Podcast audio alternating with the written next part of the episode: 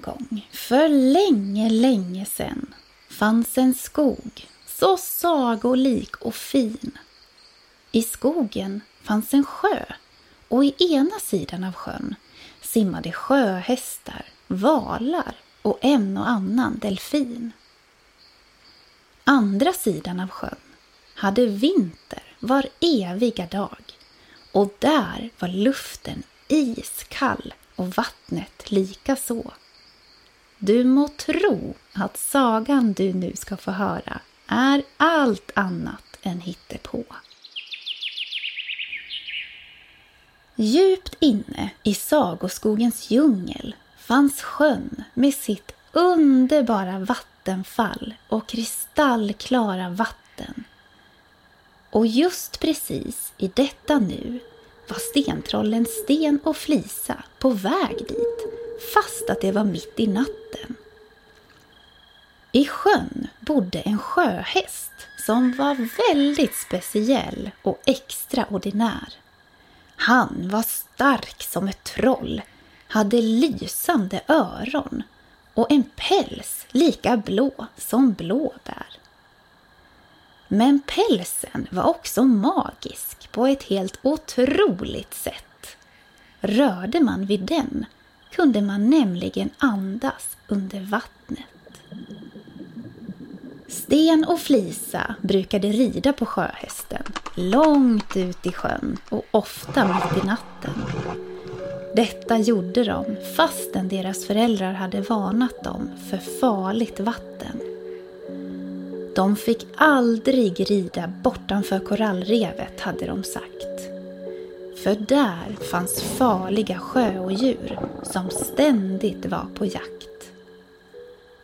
En natt när trollbarnen var ute och red hörde de plötsligt ett konstigt ljud.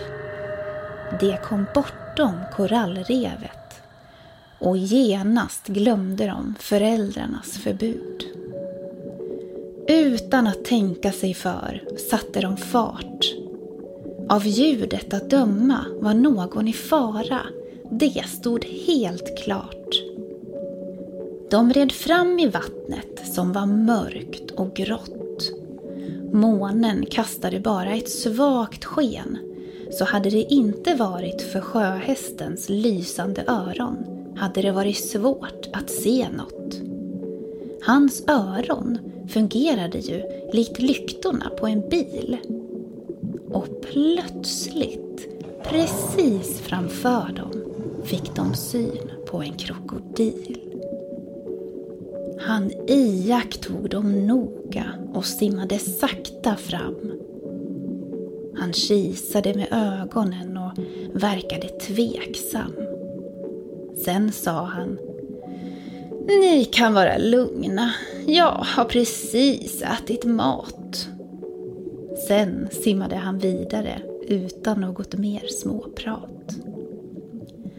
Sten och Flisa pustade ut de fortsatte framåt och hörde då ett fasligt tjut. Rätt vad det var försvann sjöns botten under de båda och ett stort, djupt och svart hål fick de då beskåda. Nu hördes tjutet mycket väl alldeles inpå Trollbarnens rädsla steg nu hastigt till en helt ny nivå. De blev rädd och tvekade. Men sen tog Flisa mod till sig och ropade ner i hålet så det ekade. Hallå! Är det någon där i hålet? Tillbaka kom det högsta vrålet. Blåvalen Knut här! Jag har fastnat ordentligt. Har ni lust att hjälpa mig? Flisa svarade. Vi ska göra vårt bästa. Du ska se att det löser sig. Eftersom sjöhästen var stark som ett troll fanns räddningen inom räckhåll. Sten och Flisa red ner i mörkret och snart var de framme vid hålets slut. Och mycket riktigt, där nere på botten låg valen Knut. Han berättade då att han lagt sig på sjöns botten för att ta det lite lugnt. Men botten försvann. Det blev helt enkelt för tungt. Sen fortsatte han. Och här i hålet fastnade jag då. Tror ni att ni kan hjälpa mig? Jag är ju rätt så kompakt ändå. Sten och Flisa log åt Knut och bad honom ta ett grepp runt sjöhästens svans. Sen sa Sten Nu du din tungviktare, nu har du din chans. Knut höll svansen i munnen och hästen spände sina muskler till max.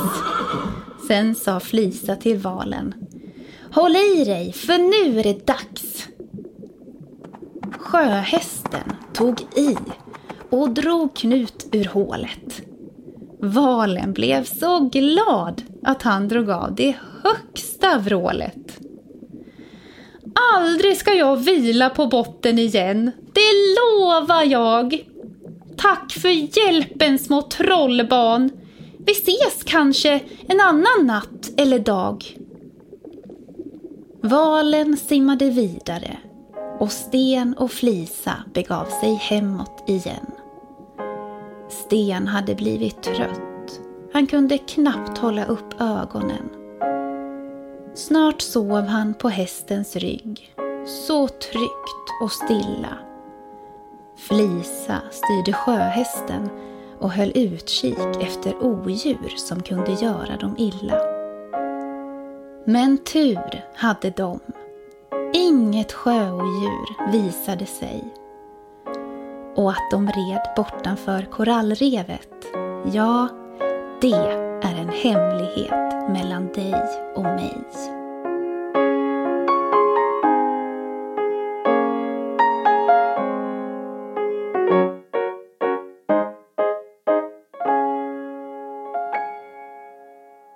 Ni har lyssnat på Sagoskogen.